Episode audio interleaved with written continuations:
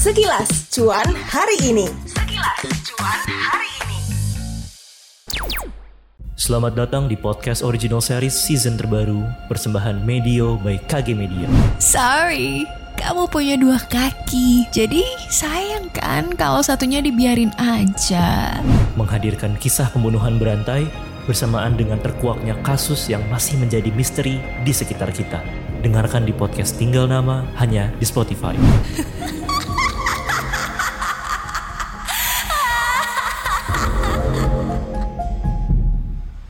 Hai Sobat Medio, seperti biasa ada sekilas cuan hari ini. Karena kita mau menyambut semester 2 investasi, gue bakalan kasih rekomendasi saham. Berita ini dilansir dari kontan.co.id Sebelum mendengarkan podcast kali ini, jangan lupa follow dan kasih rating terbaikmu untuk podcast cuan di Spotify. Terus nyalakan notifikasinya ya, biar kamu selalu terinfo kalau ada setiap episode terbaru yang tayang di hari Senin, Rabu, dan Jumat. Wah, Sobat Medio, pasar saham tanah air masih digelayuti sejumlah sentimen nih dari dalam negeri maupun luar negeri. Nah, salah satunya kondisi pasar saham di Amerika Serikat, di mana indeks S dan P lagi ngalamin pelemahan atau yang biasa kita sebut bear rally. Kepala Riset Aldi Racita Sekuritas, Agus Pramono menilai kalau pasar ekuitas AS lagi berada di kondisi yang nggak stabil nih, karena naiknya suku bunga acuan beberapa kali sama si The Fed. Nah, ini nih jadi inflasi dan resesi yang nggak terkendali dong pada pasar AS, tingkat perekonomian bakalan kembali ke waktu sebelum pandemi.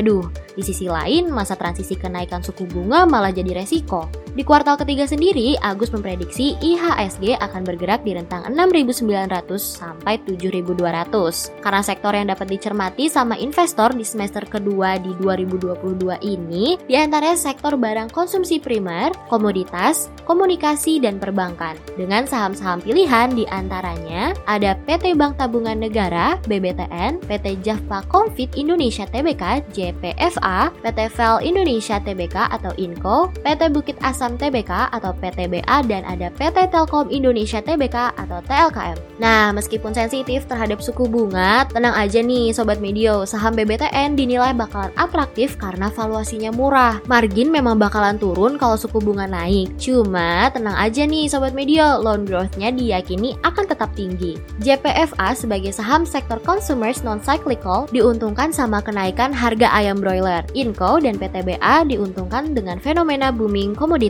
Sementara Telkom disokong oleh prospek industri telekomunikasi yang cukup tangguh. Nah, Sobat Medio, sekian sekilas cuan hari ini. Informasi selengkapnya bisa kamu cek langsung di kontan.co.id ya. Terima kasih buat kamu yang sudah mendengarkan episode cuan kali ini. Jangan lupa follow Instagram at Medio by KG Media dan at Kontan News. Atau kamu bisa kirimkan saran ke email podcast at kgmedia.id.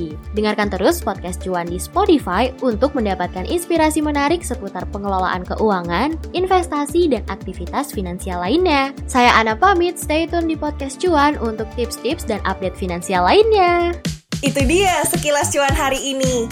Tungguin episode cuan berikutnya.